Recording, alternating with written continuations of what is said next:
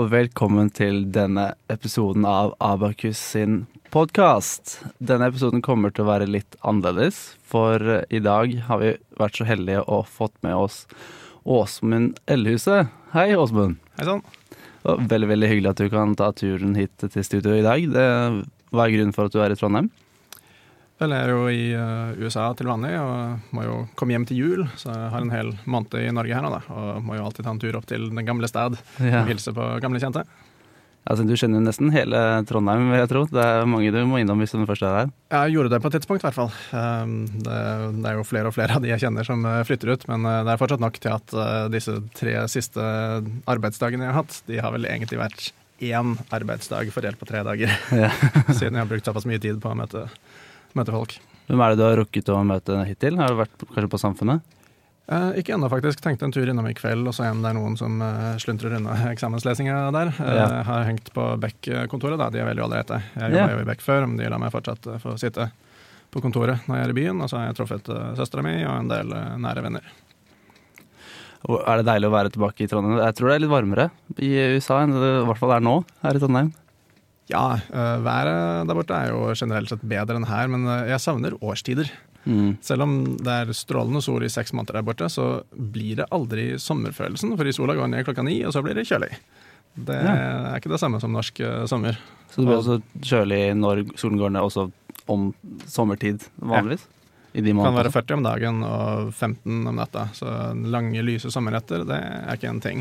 Nei. Tilsvarende så blir det jo aldri vinter heller. Du må dra til Lake Tahoe, som er fire timer unna, for Mm. å komme til eh, noe skianlegg. Hvor lang tid er det reisen tar fra USA hit? En ti timer eh, om lag. Så jeg begynner å bli ganske vant med den flyturen, men eh, jeg er kanskje ikke så veldig stolt over karbonavtrykket.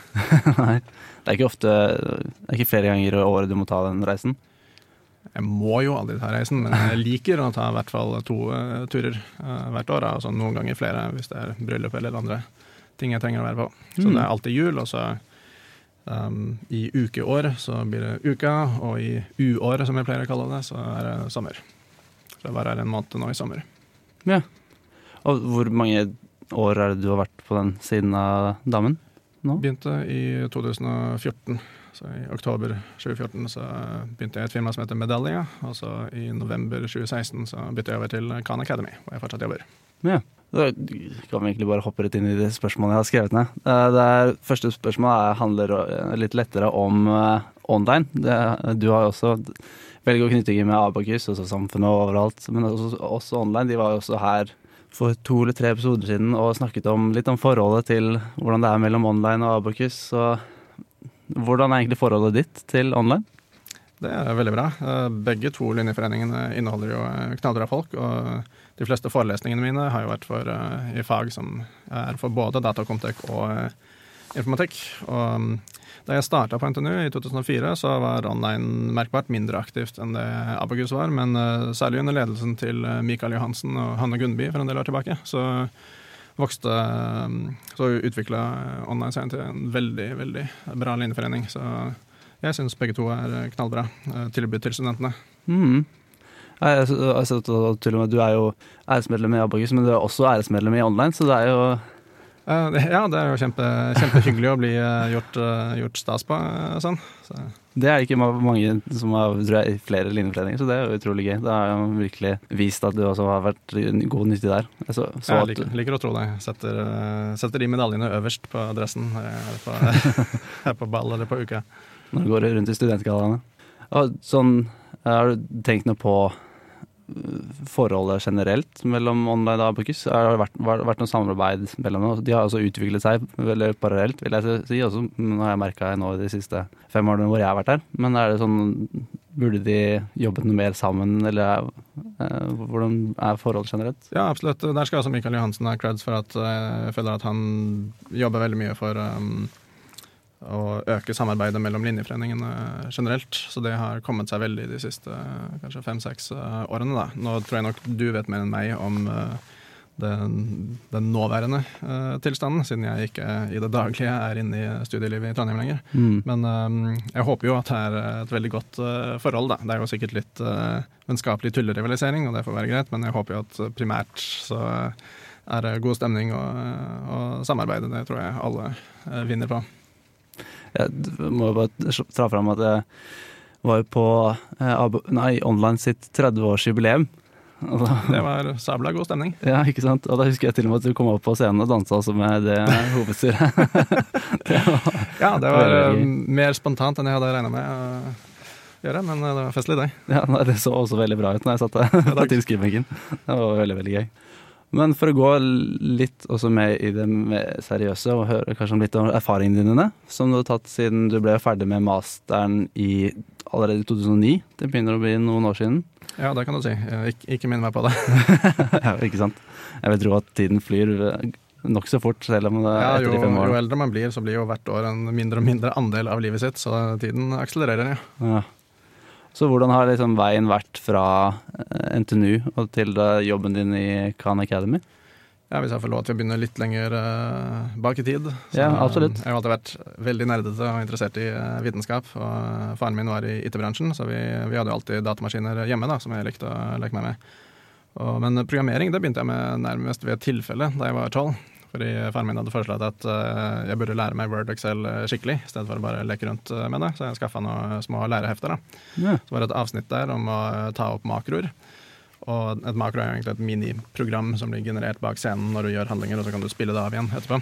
Og så var det en fotnote om at hvis du klikker på det og det menyvalget, så får du se koden som makroen består av. Og jeg bare uh, Spennende! så fra det tidspunktet var jeg solgt, da. Og jeg innså ikke at det fantes lærebøker i programmering, så jeg lærte alt fra de innebygde hjelpesidene i Office. Så det tok jo sabla lang tid. da. Jeg brukte flere år på å komme opp på et uh, nivå hvor jeg kunne gjøre noe ikke-trivielt. da. Men på videregående så var det en kamerat av meg som het uh, eh, BDH Mender. som um, Han fikk meg med på en programmeringskonkurranse som heter Norsk informatikkolympiade. Ja. Det er på en måte Abel-konkurransen for programmering, kan du si. Og uh, han lærte meg også å programmere i C og fikk meg i gang med å studere algoritmer. Så um, da jeg begynte på NTNU, så hadde jeg jo en kjempefordel ut ifra at uh, jeg kunne programmere og kunne en del algoritmer uh, fra før av. Jeg har inntrykk av at i dag er det litt vanligere at uh, folk har oppdaga programmering på egen hånd. Men den gangen så vil jeg anslå at kanskje 5% av de jeg var i klasse med, kunne programmering fra før av. 5 det, Ja, 5 til 10 kanskje. Det var noen andre som hadde holdt på med det fra før av, men de fleste begynte på bar bakke. Så det var en enorm fordel for de som var heldige nok da, til å ha oppdaga det fra før av. Mm. Helt fra jeg var liten så har jeg tenkt at uh, jeg skulle gjøre som min mor og ta doktorgrad og bli forsker. Men um, mot slutten av studiet så begynte jeg å få mer lyst til å være ute i uh, næringslivet og, um, enn å være akademiker. Delvis fordi jeg innså at jeg er flinkere til å tilegne meg kunnskap og så videreformidle den. Og bruke den kunnskapen til ting, da, enn jeg kanskje er til å uh, oppdage ny kunnskap. da. Og um, ja, Så det endte med at jeg søkte jobb i Beck. Og jeg syns de utheva seg blant andre konsulentselskaper, um, i hvert fall på den tiden, ved at de hadde ekstra uh, trivelige og engasjerte folk. Og jeg føler også at de var blant de første som hadde faglig orienterte bedpresser, i stedet for å bare prate om seg selv uh, i en time. Hvilket år var det du startet i Beck? Begynte i Beck i 09, som du, ja, som du nevnte. Jeg ble ferdig uh, på NTNU. Men jeg, jeg skaffa jo jobb her i byen. Det passa også veldig bra at Beck uh, oppretta uh, Trondheimskontor rundt den tiden, så jeg kunne holde meg i Trondheim. da, for Jeg liker jo veldig godt å være i et miljø som er sentrert rundt utdanning, da. Så det er derfor jeg valgte å bli i, i Trondheim. Og um, Skal vi se så, og I tillegg så det var mange fra Abakus Webcom som, uh, hvor jeg var med i fire år. Uh, det var mange der som gikk til Beck, så det var jo også en ekstra motivasjon. Da. Og jeg var veldig fornøyd med det valget. Beck var en sykt bra start på, på karrieren min. Og um, men etter en del år som konsulent så begynte jeg å ønske å ha litt mer kontroll over uh, hva det er jeg jobber med. Og, så det, det, å være konsulent, uh, da blir du jo typisk satt ut på en del uh, forskjellige prosjekter av gjerne litt begrensa varighet. Og det er jo på en måte kjempebra, for du blir eksponert for så mange forskjellige teknologier og så mange måter å jobbe på. Så for meg så var det en veldig bra måte å begynne på det. Men etter hvert da, så begynte jeg som sagt å føle for å uh, ha litt mer kontroll selv over hva dere holder på med. Da. Og, vil du også anbefale i dag at den vanlige datastudent starter i konsulentbransjen, eller er det ikke så viktig i dag i forhold til andre tilbud?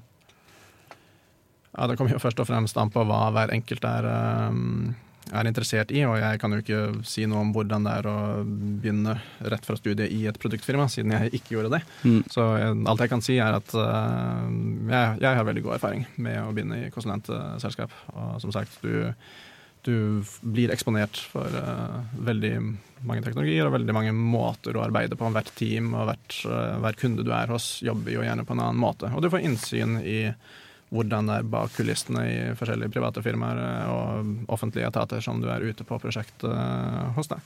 Så det funka veldig fint for meg, i hvert fall. Mm. Og mm, ja, så etter hvert så tenkte jeg kanskje jeg skulle prøve noe litt annet, da. Um, og begynte også å tenke at kanskje jeg skal slutte å syte over at jeg var singel, og heller utnytte at jeg var singel. og at jeg faktisk kan eh, når som helst dra ut på, på eventyr. Og mm, spesielt USA og Silicon Valley eh, frista jo en del, da. men samtidig så tenkte vi en del på at arbeidslivet i USA generelt sett er jo ganske hardt. Jeg tror vi kan komme tilbake til det i noen andre punkter her. Mm. Så det var først da jeg ble kontakta av en som heter Christian Eide, som hadde vært med på å arrangere denne informatikkolympiaden, og som jobba i et uh, halvnorsk firma, kan vel si, uh, som heter Medalje. Det ble oppretta av en amerikansk dame og en norsk mann. Mm. Og det var først da jeg kom i gang med prosessen med å komme til USA. Da. Og jeg var heldig og vant eh, visumlotteriet på første forsøk, for det er loddtrekning om å få søknaden sin om visum behandla med mindre enn en tredjedels sjanse for å komme inn. Jeg har hørt noe, det er sjuke ja. Eh, I teorien så skal det finnes en masterkvote da, eh, for de som har mastergrad, men det er spesifikt mastergrad fra amerikanske universiteter, så sivingen den, den er ikke god nok. Mm. Så um, ja, men jeg var kjempeheldig og kom gjennom på første forsøk. Og selv om det var veldig trist å skulle forlate Trondheim, uh, husker jeg hadde et uh, lite panikkangrep uh, hjemme kvelden før jeg skulle reise, så um, var det jo veldig spennende å komme til, til, Silicon Valley. Og det var knallbra å jobbe i medalje, men jeg er ikke egentlig sånn veldig interessert i dataanalyse av kundetilfredshet, som er det deres produkt går ut på. Så etter en stund så begynte jeg å tenke over hva vil jeg synes at det er meningsfylt å bruke tiden min på jeg ble, jeg ble gammel nok til at jeg begynte å stille meg sånne spørsmål innimellom. Mm. Og da pekte Khan Academy seg veldig ut, uh, for jeg syns jo at deres mission er utrolig motiverende. Da. Målet er jo å bringe gratis utdanning til hele verden. Det er sikkert veldig mange flere som hører på det her, som kan være interessert i hvordan overgangen fra å jobbe i Beck til å havne i Silicon Valley var? Var det sånn at du ga ut følere for at du var interessert i en sånn overgang, eller var det bare helt tilfeldig at du, en som kjente deg, tok kontakt, uten at du egentlig var i den fasen at du var på vei til noe slikt? Det var tilfeldig, faktisk. Hadde det gått si et år til, da, så hadde jeg nok blitt mer og mer sikker på egen hånd. da, At jeg ville prøve å dra ut. Og da hadde jeg, hadde jeg nok brukt eh, nettverket mitt til å finne uh, finne noe interessant. Men uh, sånn som det skjedde, da, så jeg hadde begynt å tenke at kanskje jeg burde starte en sånn prosess, men det er jo så mye styr å starte en sånn prosess, så jeg hadde ikke fått dytta meg selv til det. da. Så dette var han Christian Eide, da, som um, var på rekrutteringsjakt og tenkte, på de som han, de, de som han hadde arrangert denne konkurransen for. Da. For mm. Jeg tror han hadde en liten e-postrunde til eh, mange tidligere deltakere i denne konkurransen. Da. Ja. Så da er det det at eh, først og fremst få kontakten, selvfølgelig, og så er det det med visum. Men er det noen andre steg liksom, du må gå gjennom for å lande i Silicon Valley, om man kan si det på den måten? Ja, I teorien så skal det jo holde uh, få, um, uh, å få et jobbtilbud uh, og skaffe visum. Men Problemet er jo nettopp den usikkerheten som ligger i uh, hele den visumprosessen. Så det er en del uh, firmaer uh, nå som bare har gitt opp H1B, som er den vanligste visumtypen for high-tech arbeidstakere. Um, det er en del firmaer som har gitt opp den fordi det er så mye usikkerhet. så Google for eksempel, tror jeg nå krever at du jobber i ett år i et ikke-amerikansk Google-kontor, f.eks. i Zürich i Sveits.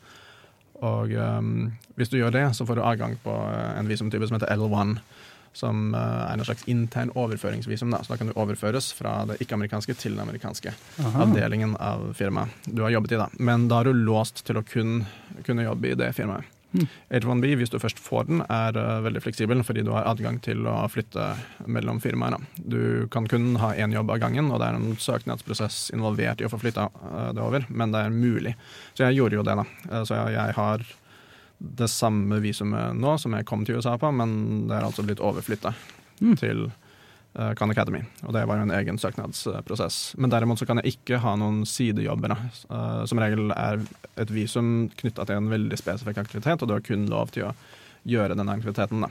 Så jeg ble faktisk tilbudt på tidspunkt å holde sommerkurs i programmering på Stanford, på voksenopplæringa eh, på Stanford.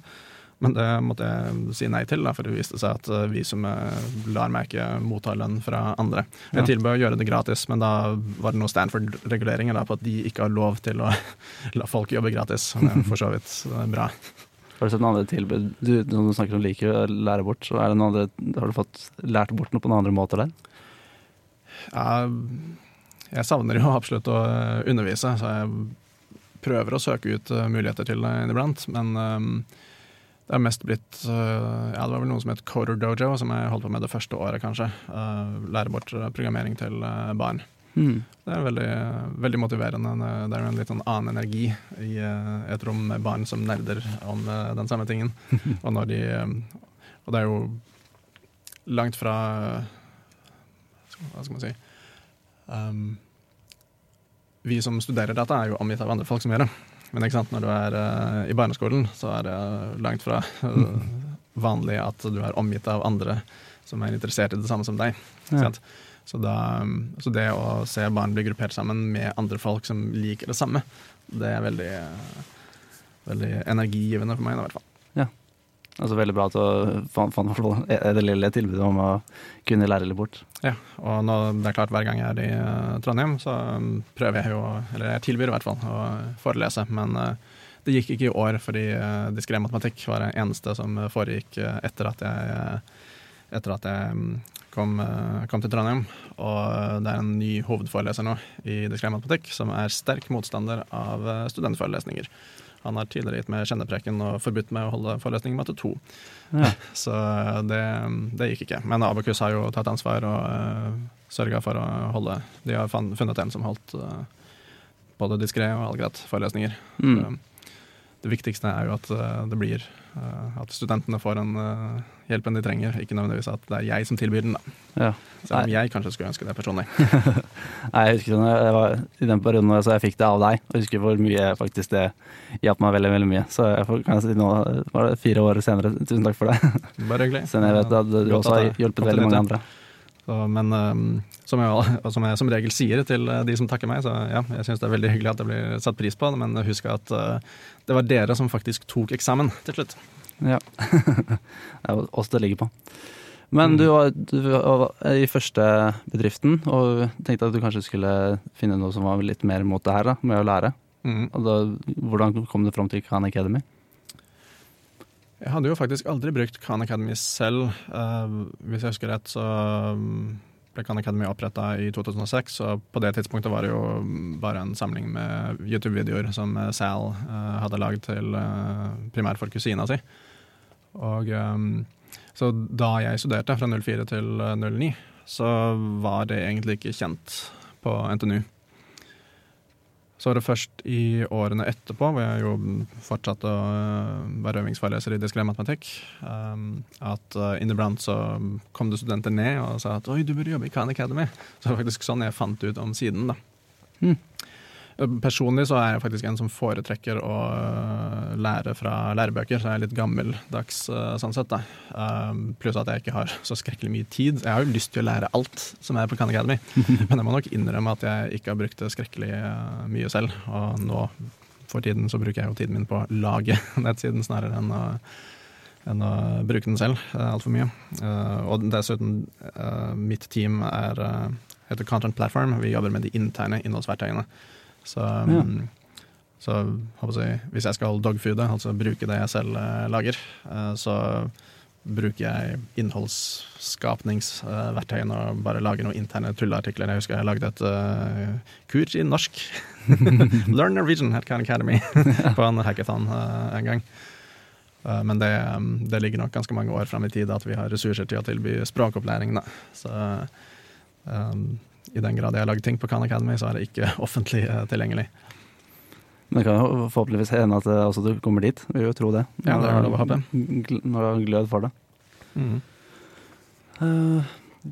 Det var, ja, hvordan var veien dit? Ja? Det var det. Nå er vi helt framme i Khan Academy. Hvis du skulle gjort noe annerledes på denne reisen vi var gjennom nå, er det noe du ikke kunne tenkt deg som ja, shit her, hvis jeg, hvis jeg hadde et, et, nytt liv, så kunne jeg hoppet inn der? Tja, jeg føler at um, Ja, det er jo lett å, um, lett å se bakover og si hvorvidt man gjorde ting riktig eller rett. Så jeg vil heller kanskje si at jeg føler uh, at jeg har vært uh, heldig da, med det jeg har gjort, og at uh, mye av det jeg har gjort, har vist seg å fungere. Uansett hvor mye tanke som lå bak det på det tidspunktet jeg gjorde det.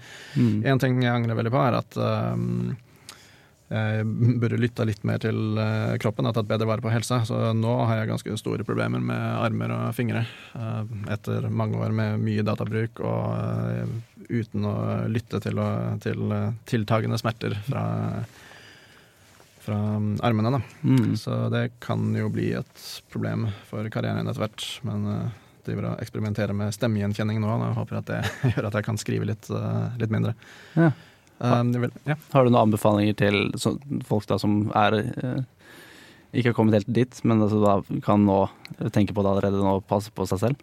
Ja, altså En ting er at selv før du eventuelt begynner å merke smerter, da, så ta, ta litt jevnlige pauser og tøy ut og hold deg i fysisk aktivitet. Og hvis du begynner å få smerter, oppsøk eh, lege med en gang og sørg for at det ikke blir verre. Fordi hvis du hvis du har et visst nivå av databruk, og du begynner å føle smerter, så kommer det garantert bare til å bli verre. Så mm. ikke, ikke sitt og rug på det. Og om nødvendig, ta, ta heller litt pause uh, fra studiene hvis det er nødvendig for å komme seg. Jeg, jeg, var jo livredd for oss, for at jeg på et eller annet vis skulle falle av studiene eller et eller annet. Da. Og det var mm. noe som holdt meg fra å, å søke lege, men jeg angrer veldig på det nå. Så det er ikke noe sånn utstyr man burde bruke, det er heller bare det å, med fysisk aktivitet og pausene som er det viktigste? Ja, og klart uh, ergonomisk uh, tastatur og ting som passer til din kropp. Da. Jeg mm. skal ikke komme med spesifikke produktanbefalinger, for forskjellige ting passer til forskjellige folk. Men ikke, ikke sitt framoverlent over dårlig tastatur og mus med masse møkk under som gjør at den henger seg fast i, i bordflata. Så sørg for å ha gode verktøy. Det er viktig. Det er som regel det sånn, hvis du ser tilbake, det skulle passe litt bedre på deg selv? Ja, det er én ting. Og, og tilsvarende, selv om jeg, ja, jeg, selv eh, var forholdsvis lite utagerende, kanskje litt for lite utagerende, men eh, mange går jo i andre retningen, da, så pass på, pass på deg selv på, på den måten eh, også. Så ville jeg også blitt med på Samfunnet og Uka tidligere. Uh, Abakus uh, har jo vært veldig, veldig bra uh, for meg, men det er jo en ganske intern gruppe. Så jeg vil jo påstå at hvis man har tid, så bør man være med både i Linjeforening og på Samfunnet slash Uka. Så jeg ble med på sistnevnte først i femte klasse. Da jeg innså at jeg kan jo ikke forlate byen For dette var før jeg fikk jobben i Bekk, da. Og da trodde jeg at jeg kanskje skulle til Oslo. Mm. Så jeg tenkte at jeg kan ikke forlate Trondheim etter fem år uten å ha vært med på Samfunnet. Og så ble jeg med på Samfunnet og i Akademisk radioklubb og innså fort at det her er jo episk, jeg kan jo ikke dra nå. så det bidro til at jeg ble i Trondheim da, og bare fortsatte å være med på Samfunnet. Og etter hvert da faktisk ble jeg med på Uka for første gang etter at jeg egentlig var ferdig med å studere.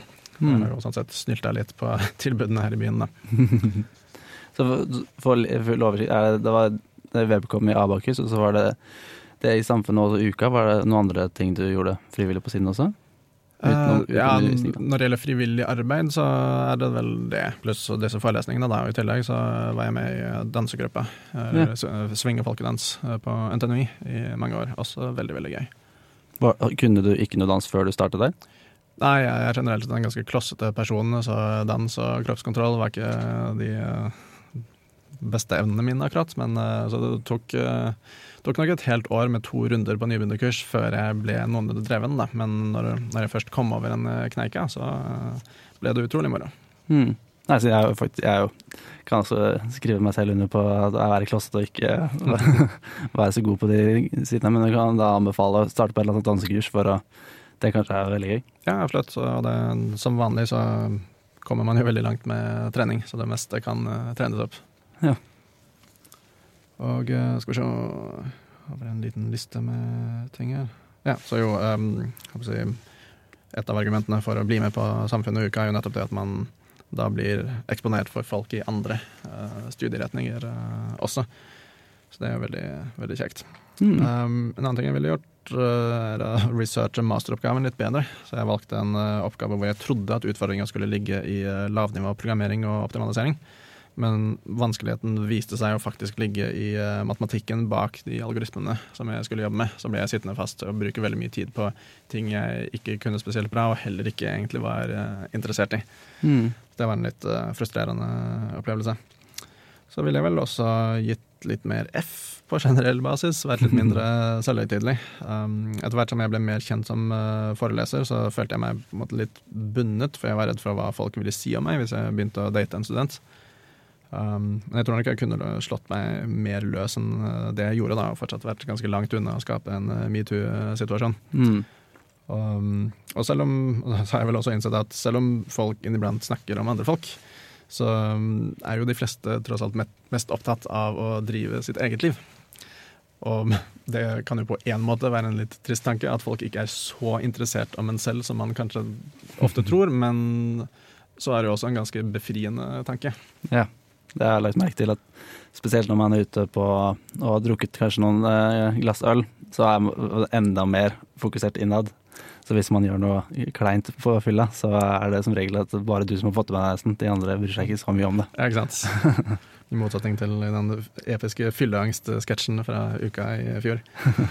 Um, så ja, så det var en veldig god følelse sånn sett, å komme til uh, Bay Area. da. Så på en måte savner jeg jo litt uh, den lille kjendisstatusen som jeg hadde i uh, Trondheim, men samtidig så var det veldig deilig å bare vite at ingen vet hvem jeg er. Jeg kan gjøre hva jeg vil. Nesten. Hvordan er det sosiale i, på jobben og ellers? Er det sånn Er du med noe, kanskje noe frivillig sånn hvor du møter også andre fra andre jobber? Som ligner kanskje på det som jeg har vært i Trondheim? Opprinnelig så så jeg jo litt etter lignende ting, da, men jeg har ikke helt klart å finne det. Det er jo en stor meetup-kultur eh, der, men av en eller annen grunn så bare følte jeg at jeg ikke fikk så mye ut av dem. Um, og til å begynne med så hang jeg også veldig mye med uh, nordmenn som jeg tilfeldigvis kjente. Det er jo en liten NTNU-gjeng der borte. Med, det er vel en ti-tolv stykker kanskje som jeg henger en del med, som alle av forskjellige årsaker da, tilfeldigvis befinner seg uh, akkurat der.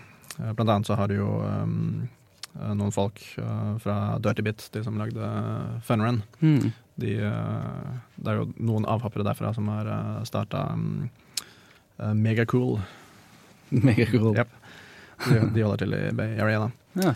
Og um, Men um, etter hvert så um, fikk jeg jo da flere, flere venner gjennom jobb, og um, det, det førte også til en interessant endring i si, datingstilen min, fordi uh, før så um, um, har jeg ofte blitt uh, ja, leder vel ofte av å bli friendzone, selv om jeg nå i etterkant har fått bedre forståelse for uh, hvordan uh, si, Hvis du blir friendzona, så er det ganske enkelt godt mulig at du ikke har kommunisert dine egne ønsker klart nok. Mm. Det er jo ikke sånn at andre magisk skal rette seg etter hva du, hva du ønsker. Um, så jeg liker ikke å bruke det begrepet nå lenger, da, men jeg blir jo ofte frustrert. Uh, tidligere uh, i datinglivet mitt, da når jeg uh, var interessert i noen. Og så endte det si, bare opp som et vennskap, da. men jeg er blitt flinkere til å sette pris på, på vennskapene. Og, og, i tillegg, da, i USA så trengte jeg jo faktisk venner, for jeg la jo igjen hele det sosiale nettverket i Norge. Mm -hmm. så, så, i USA så var det mer sånn So, are you okay with just being friends? Har du lagt noe sånn merke til uh, Nordmenn kan jo også være, som stereotypen, være litt mer sånn innover seg og ikke snakke så mye og være åpen. Legger du veldig merke til det i forhold til å få seg nye venner eller bli kjent med nye i forhold til om du skulle vært i Norge, i USA? Ja, det er jo enklere å komme i kontakt med folk på overfladisk vis, for folk er jo veldig sånn Hey, how are you? Uh, men så innser man at how are you er jo egentlig ikke et spørsmål, det er en hilsen. Mm. men du skal svare med det samme. Um, så da um, Så lett å komme i snakk med folk. Kanskje litt vanskeligere å komme inn under uh, huden, men nå har jeg vært heldig og hatt anledning til å jobbe i firmaer som bryr seg om de ansatte, og som også bryr seg om å ansette folk som er uh, trivelige uh, personer. Så um, mange av de jeg har møtt på jobb, og, en del av de som jeg har møtt gjennom dating, har vært forholdsvis enkle å bli, bli, godt kjent med. Det. Så um, vet ikke helt hva man skal si om USA generelt, men i hvert fall de jeg har møtt, da, har det vært ganske greit å bli godt kjent med. Det. Mm, så bra. Hadde du noen andre punkter med hva du kunne tenke deg å gjøre annerledes? Ja, det var, ja, det var, jeg hadde vel ett punkt til her, uh, som var at uh, et råd til andre uh, som i likhet med meg kanskje er litt for perfeksjonistiske. Mm. Det er å um, kvitte seg med den tanken om at man må løse alt sammen selv. Det var noe som jeg også brant meg på på masteroppgaven. Da. At jeg stanga hodet i bordet mot problemet mitt uh, for lenge på egen hånd da, før jeg søkte hjelp, for jeg hadde denne trangen til at jeg må klare det sjøl. Men når du er ute i en jobbsituasjon, kunden bryr seg ikke om hvem av konsulentene som har uh, løst en bestemt ting.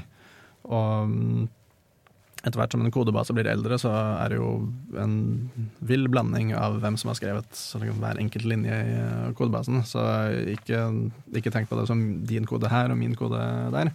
Tenk heller på hele kodebasen er vår kode, og vi har ansvar for alt. Og det viktige er at vi sammen får til noe, noe, bra. Da. Og hvis du blir stående fast med noe, uh, selvfølgelig bruk Det er ikke sånn at du skal med en gang løpe til uh, noen andre, men altså, bruk litt tid på å prøve å løse problemet selv.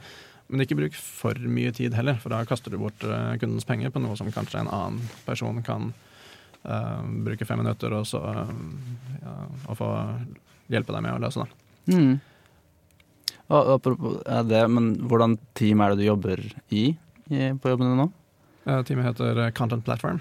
Og så, Den nevnte vel så vidt uh, det i sted. Så vi lager da de interne innholdsverktøyene som underviserne på Khan Academy bruker til å f.eks. skrive artikler, lage oppgaver, um, organisere hele innholdssamlingen vår. Jeg tror vi har om lag 40 000 Eh, innholdselementer, hvor et innholdselement er en hel artikkel eller en oppgavesamling eller en video eller en programmeringsutfordring eller et emne som vel egentlig bare er en mappe for å organisere. Mm. Så, og også oversettelsesverktøyene. Og, oversettelsessystemet vårt er noe av det mest komplekse jeg har vært borti. Det er uh, pipelines fram og tilbake og batchjobber i bakgrunnen og eksterne oversettelsessystemer og alt, alt, altfor komplekst. Så et av prosjektene til mitt team neste år er å forenkle oversettelsessystemet. Ja. Altså, jeg mente sånn, uh, Vi er jo veldig vant til å bli, høre om at man jobber i fire-fire grupper og har med scrum, men er det sånn som, er det hverdagen din der borte nå, eller sitter du mest ja, alene? Du tenkte på teamstrukturen, ja. Um, skal vi se. Ja, vi kjører en I likhet med mange andre så kjører vi en uh, sånn agile, tilpasset til våre. Uh, mm. Så vi har en scrum-tavle, og, og, vi kjører to ukers sprinter. Men skal ikke påstå at vi um, er veldig disiplinerte med å følge den formelle uh, scrum-metodikken. Uh, teamet vårt har om lag sju utviklere. Ca. halvparten remote og halvparten lokalt i Mountain View. Vi har jo kontor i nærheten av Google i Mountain View, sånn tre, tre kvarter syd for San Francisco. Ja. Og, ja, og en prosjektleder og to designere. Så ja, jeg vil påstå at både Khan Academy og mm, Medalje føltes veldig mye som en norsk arbeidsplass. Og som jeg hinta til uh, tidligere, generelt sett i USA så er, jo, er det jo et veldig autoritært uh, arbeidsliv og veldig hierarkisk, og sjefen har veldig mye makt, og du kan få sparken for ingenting, og du får knapt nok ferie, osv. Men uh, Khan Academy eh, og Medalje uh, de har åpne ferieplaner, og blir du syk, så får du lov til å være syk og komme deg, mens i resten av USA blir du syk, så må du spise av ferien din. Mm. Og har du ikke mer ferie igjen å spise av, så blir du trukket til lønn. Hvor mange, er gjennomsnittlig arbeidsuka? Hvor mange timer i uken? du finner jo nok av firmaer i Silicon Valley og USA generelt hvor du får lov til å jobbe deg i hjel, men uh, personlig så bryr jeg meg om å uh, ha litt uh, fritid. Så jeg jobber ganske jevnt 40 timer i uka. Veldig sjeldent at det er behov for overtid. Det er deilig. Så jeg har litt tid til å utforske litt rundt omkring også. Jeg skulle vel egentlig komme inn på det i sted da du spurte om hva jeg gjør utenom. Så jeg liker jo veldig godt å reise rundt på roadtrips og se forskjellige uh, Ja, ganske enkelt se den vakre naturen i USA. Da. Mm. Det er jo et Man kan si mye rart om uh, USA som helhet, men vakker natur, det, det har de i hvert fall. Så det er jo er det 56 eller 59 nasjonalparker, tror jeg. Jeg har som ambisjon å i hvert fall dra til en god del av dem. Ne. Uh, innså at det er to parker i Alaska som du ikke kan kjøre til. Du må bli droppa inn med fly, og så blir du spist av bjørn med en gang du setter foten i bakken. Så jeg skal ikke dra til alle nasjonalparkene, i hvert fall ikke alene. Men, uh, men, målet er å dra til ganske mange av dem, og til flest mulig stater også, da. Så jeg liker veldig godt å utforske, utforske det. Og det er jo veldig mange steder, sånn som Monument Valley, for eksempel, eller Grand Canyon, sant, som du har sett på film eller ved andre anledninger, og som i hvert fall jeg alltid har drømt om å se. Da. Så det føles som et stort uh, eventyr for meg. da. Det er jo utrolig pluss å liksom, få et nytt, helst nytt sted å jobbe og så få alle de mulighetene ved siden av. Som ja, ikke sant. Fått. Føler meg veldig heldig som har en anledning til å utforske alt det her. Ja, Det høres veldig veldig interessant ut. Mm. Du, nå skal jeg vise hvor mye jeg har greid på å stalke deg litt. Med en artikkel i IT-avisen i 2015 du gravde frem den, ja. så sa du at på sikt er det nok Norge som er det riktige landet for meg. Stemmer det fortsatt? Eller hvordan er det å jobbe i forhold til Norge i USA? Ja, som jeg har nevnt, så er det jo uh, ganske hardt å være arbeidstaker i USA på generelt basis. Du er jo nærmest rettighetsløs. Som sagt, lite eller ingen ferie, ingen sykepenger, sparken uten grunn. Uh, du er heldig hvis du får noen ukers mammapermisjon. Uh, mens jeg har hatt anledning til å velge firmaer som faktisk bryr seg om de, de ansatte. Da.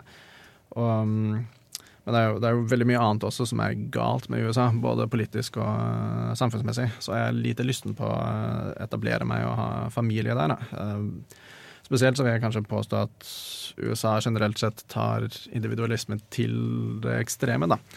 Uh, så den tankegangen om at alle skal klare seg selv, og the American dream, som tilsier at du lykkes hvis og bare hvis du jobber hardt, Eh, det, det, fører til en veldig usunn mangel på omsorg for andre og medansvar for samfunnet generelt. Så mm, for eksempel så er det jo for mange ekstremt uaktuelt å skulle betale for at andre mennesker skal ha ting som eh, helsetilbud og utdanning og sånn.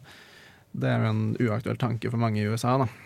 Um, og Det fører også til en sånn holdning om at mennesker som er fattige, eller på et eller annet vis i en ikke så heldig livssituasjon, da, de er det av at det er noe fundamentalt galt med dem.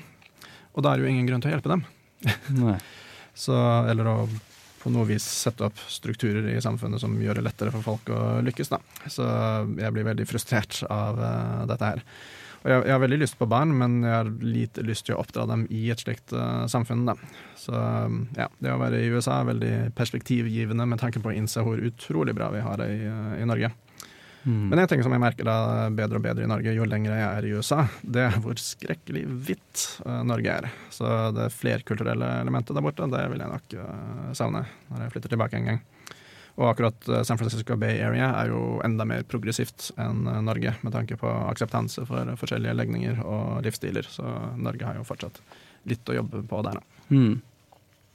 Ja, Det er store forskjeller man kan finne rundt omkring i Norge. Vært, altså, jeg var jo nylig på utveksling Fått litt tid i utlandet. Eh, først i Sør-Korea, oh. og så i Italia. Så jeg har fått prøve litt forskjellig. Ja, det er en eh, god uh, blanding. Jeg tenker, USA er jo et forholdsvis lett land. Selv om det er en del forskjeller, så er det veldig lett for oss som engelsktalende å være der. Så jeg ser for meg Sør-Korea er, er en større utfordring.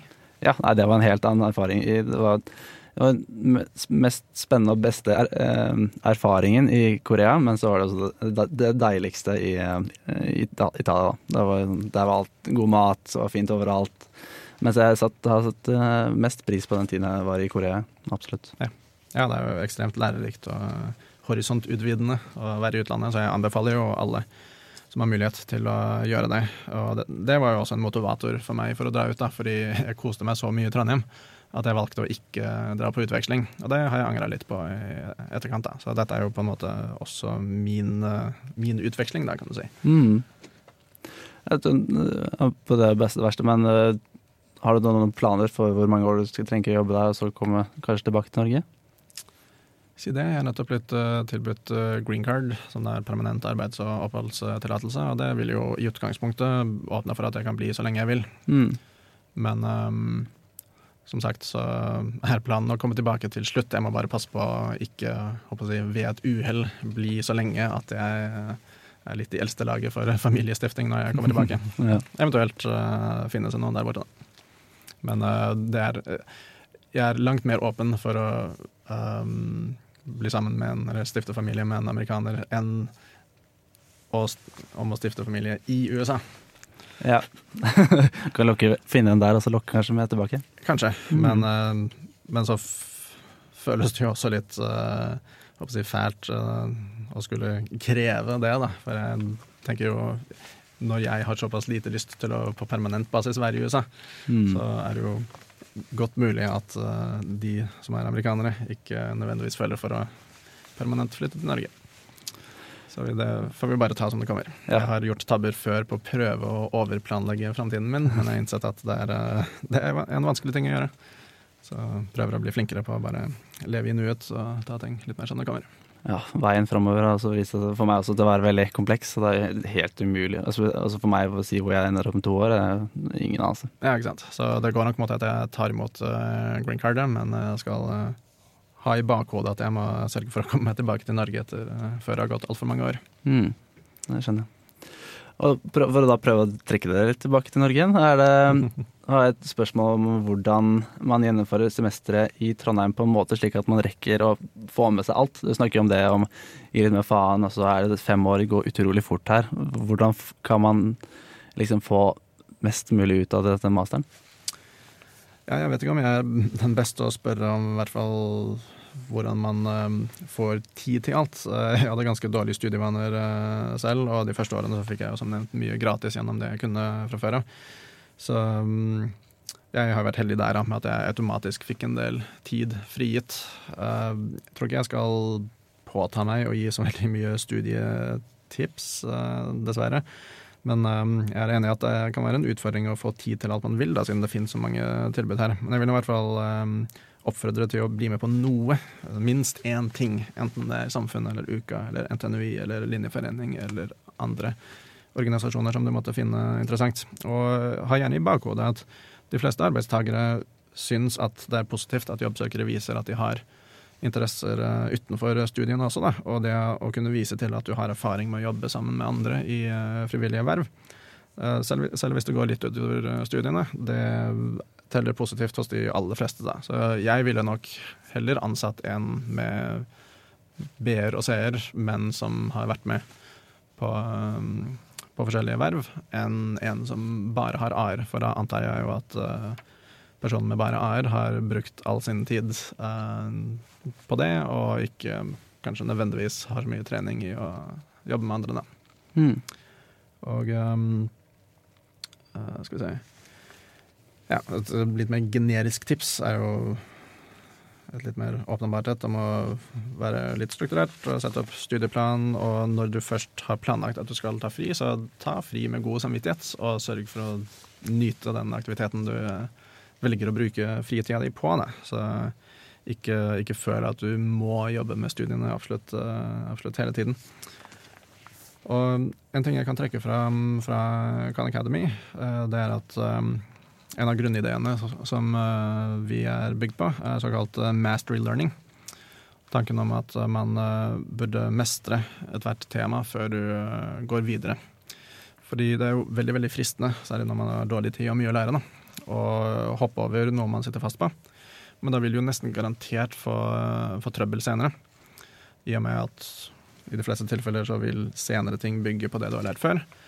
Og så bygger du da etter hvert opp et korthus um, um, av halvveiskunnskap, da, og som kanskje holder på eksamen, uh, men som på et eller annet tidspunkt vil bli problematisk da når du støter på et eller annet problem som krever at du faktisk kunne uh, den tingen godt. Mm.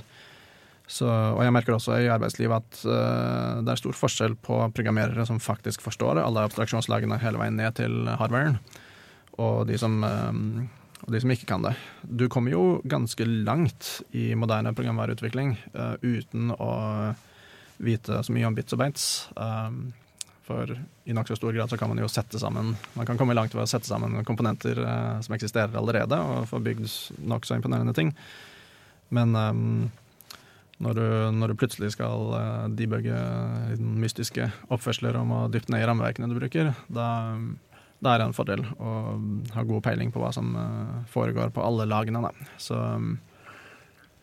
ja, det, det, kan definitivt være en utfordring å tvinge seg selv til å bruke den tiden det tar da, til å uh, ordentlig forstå alt. Og noen ganger så har man jo ikke den tiden.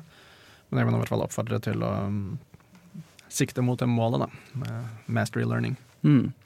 Og um, ja, et litt relatert tips er at uh, magi finnes ikke. For det er så fristende når du sitter her, klokka er to på natta, og det er en bug, og bugen virker fullstendig uforklarlig. Du har så lyst til å bare skylde på at det er kosmiske stråler som har skrudd av en bit uh, i minnet. Og ja, det er vel fysisk mulig. Noen ganger er det jo faktisk feil på hardwaren.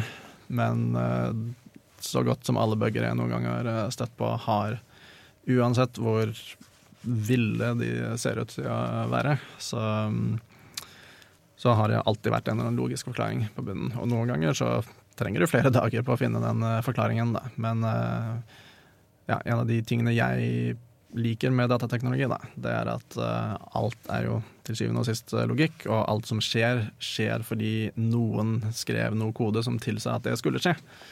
Så det finnes alltid en forklaring. Nå fikk jeg ikke lov til å se X-Files da jeg var liten, men eh, det er vel det som er eh, slagordet der, er det ikke det? Det finnes alltid en forklaring. Jeg har faktisk ikke sett så mye på det heller, dessverre. Har, har, det, Bård? har radioteknikeren sett X-Files? Bitte litt.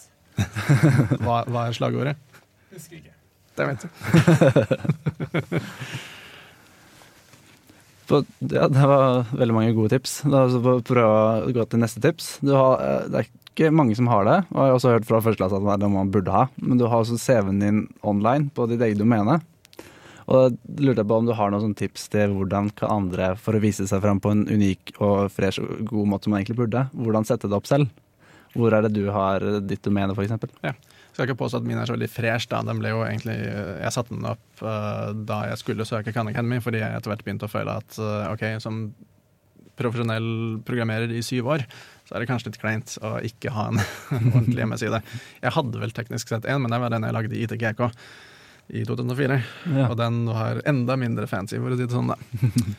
Så, men domenet hadde jeg eid en stund, så det er jo greit å legge beslag på det domenet du vil ha, før andre vil eh, ta det. Nå er jo jeg heldig nok til at jeg har et uh, ganske unikt etternavn. Det er 35 stykker i Norge, tror jeg, som heter uh, Eldhuset. Ja.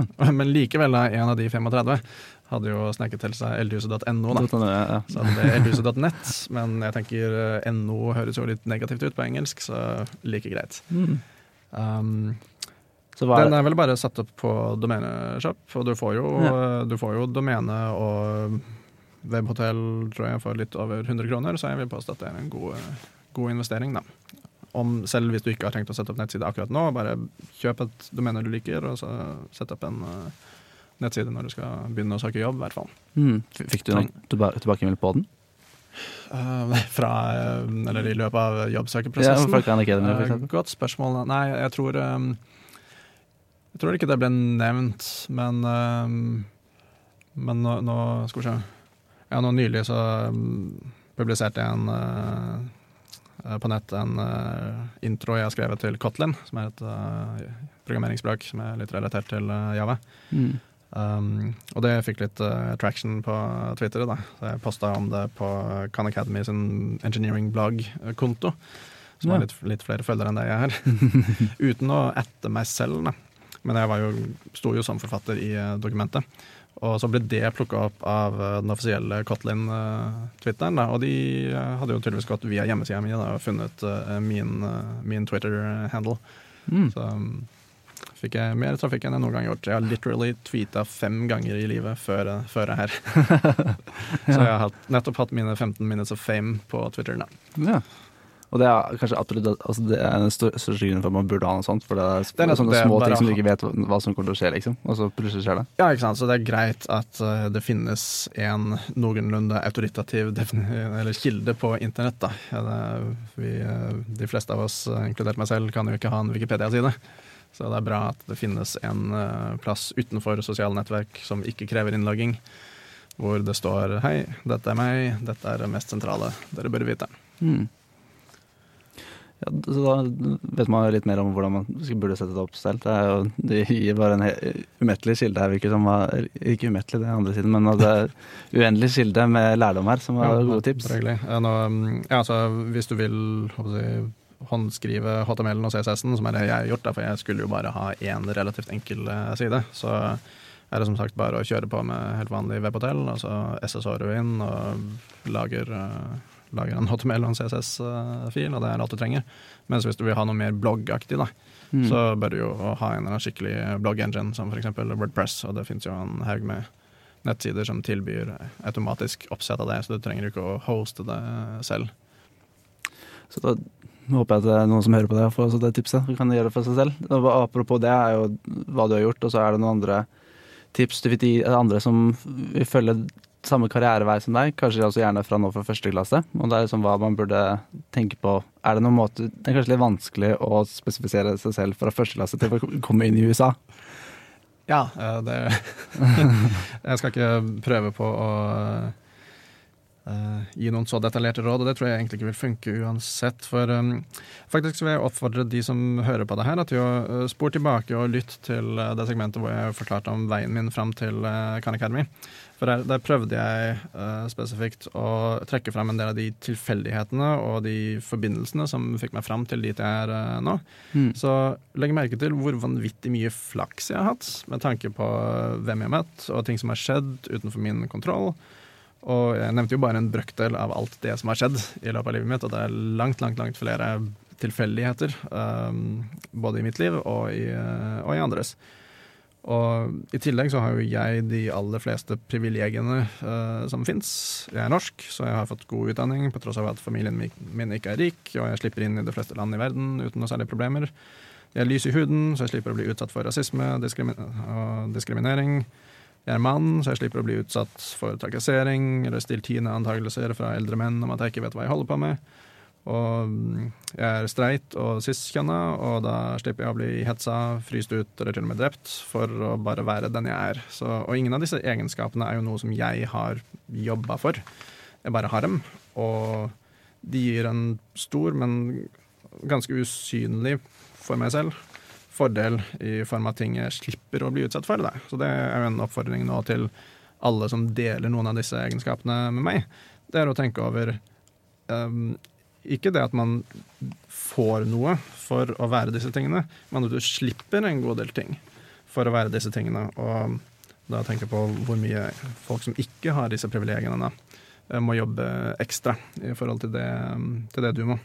Mm. Um, skal vi se Og um, ja, så det jeg vil råde til her, da, er å alltid ta det med en klype salt når en eller annen person med en eller annen form for suksess uh, forteller om veien fram til um, deres versjon av suksess. Um, ja, så ta rådene deres med en klype salt, da, fordi det Selv om alt de sier kanskje stemmer, så var det noe som tilfeldigvis funket for dem, og de glatter som regel over alle disse tilfeldighetene, da, som også har, um, har utrolig mye å si. Da. Så min påstand er at um, de fleste suksessrike mennesker ikke har seg selv å takke i så stor grad som de tror. Mm. Det inkluderer meg selv også, i den grad man kan si at jeg er suksess.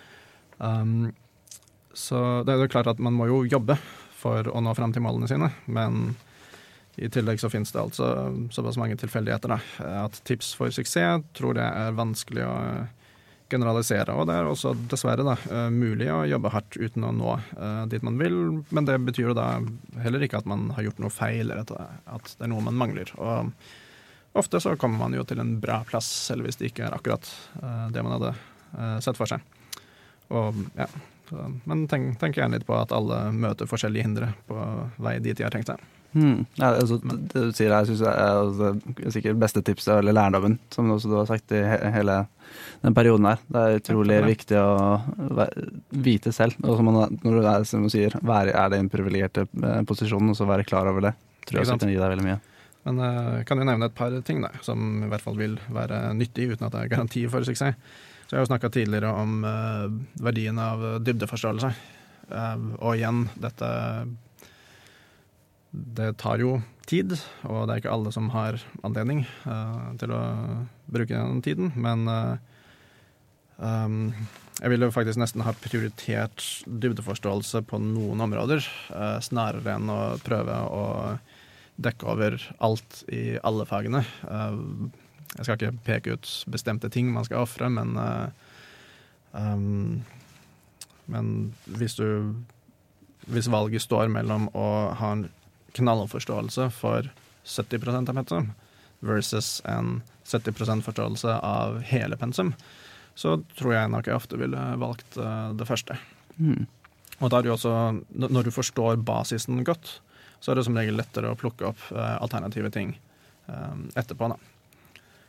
Og um, velg noe du liker å holde på med.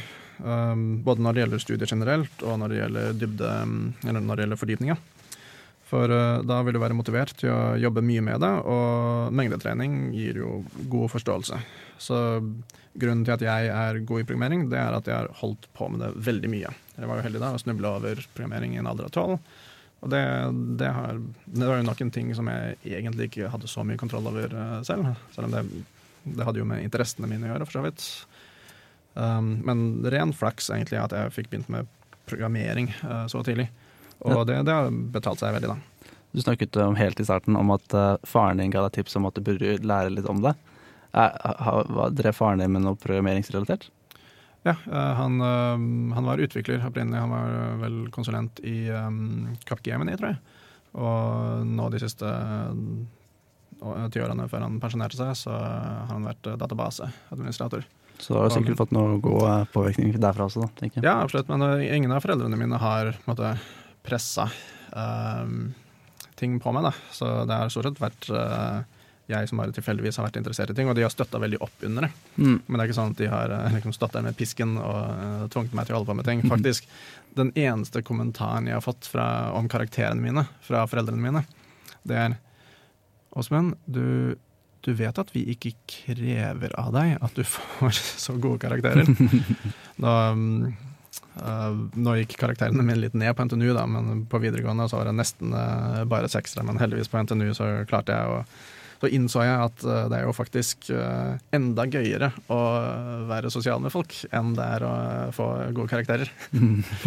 så jeg er glad for at jeg gjorde det valget, da. Og ja, og relatert til det, da eh, Skal vi se, ups, skal bare hoppe tilbake her til den andre halvparten av det punktet jeg holdt på med, som var at um, med mindre du vil jobbe med noe, som, noe veldig spesifikt som krever spisskompetanse i akkurat det smale feltet. F.eks. hvis du har lyst til å forske på kunstig intelligens eller å jobbe med selvkjørende biler, f.eks. Da bør du nok uh, ta AI-spesialiseringa. Mm. Men, men hvis ikke du trenger noe så spesifikt, så ikke tenk for mye over vil jeg være mer ansettbar hvis jeg tar komplekse datasystemer, eller hvis jeg tar systemutvikling, eller ja, De har jo sikkert endret hva studieretningene heter nå, da, men eh, ikke tenk for mye på fordypningsretninga di ut fra hva du har lyst til å jobbe med, med mindre altså du trenger noe veldig spesifikt.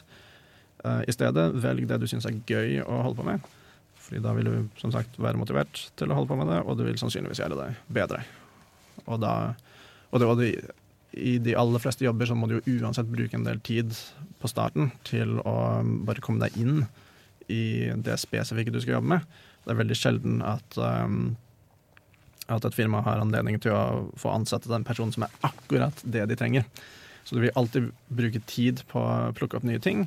Da er det like greit at du har fått gode karakterer i noe du syns var gøy å holde på med, og at du bare har en god, et godt grunnlag for å lære nye ting. Så dette med å lære seg å lære som det sikkert snakkes en del om fra høyrehold på universitetet, det, det er ikke bare en eh, floskel. Du vil som ingeniør, så får du behov for det hele tiden. Du må plukke opp nye ting på, på rappen. Mm. Og um, skal vi se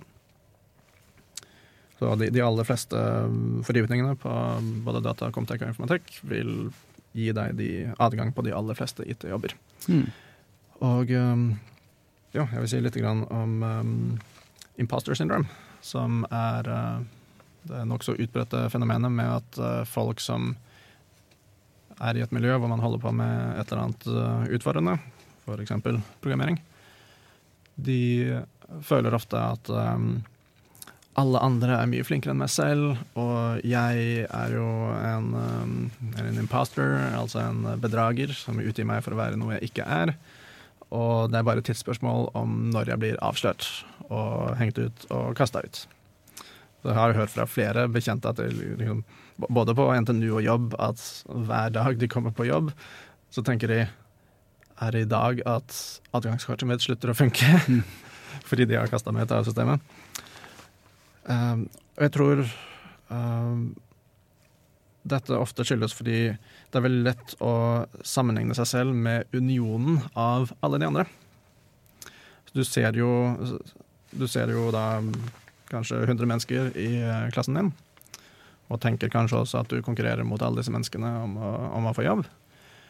Og så tenker du at ja, OK, jeg er jo ganske god i algoritmer, men så har du jo de folka der og der og der som er helt drøye på algoritmer. Så gjorde jeg det jo ganske bra i kompilatorteknikk også, men så har jo hun og han og de der de fikk jo A og lagde liksom ekstra features i programmeringsspråket de skulle lage kompilator for. Kan ikke konkurrere med dem, vet du. Og så, man, og så går man og tenker um, sånn om omtrent alt.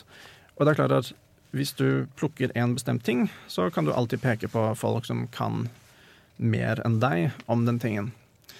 Så det som gjelder å innse da, er at det er jo aldri den samme personen som er flinkere enn deg i alt. Så person A er flinkere enn deg i uh, fag 1, 2 og 3, mens person B er flinkere enn deg i fag 5, 6 og 7. Og, så da um, kan man trøste seg med da, at når man skal søke jobb, selv om du på en måte konkurrerer mot alle de andre, så er det ikke en opsjon for firmaet å ansette unionen av alle de andre. Firmaet skal ha én person, eller de har et lite antall stillinger da, som de skal besette, og hver stilling besettes av én person. Og den personen kommer til å være et uperfekt subsett av det, det firmaet egentlig trengte. Så ja, øh, du kan ikke alt, men du konkurrerer mot andre folk som heller ikke kan alt. Selv om summen av alle de andre kanskje kan alt. Mm. Og, ja, og til sist så men, men selvfølgelig så gjelder det å ikke snuble inn i Dunning-Kruger heller, som er den motsatte effekten. Hvor uh, du tror at uh, uh, du kan mye mer enn du egentlig kan. Um, spøker jo ofte med at den Hva er det det heter? Jeg har ofte sett at kvinner oppfordres til å Carry yourself with the confidence of a mediocre white man. Dette er jo et spesielt utbredt fenomen kanskje blant menn, som gjerne slår seg på brystet og tenker at, eller i hvert fall sier, at uh, de kan alt. Mm. Um, og det gjelder jo i virkeligheten de færreste.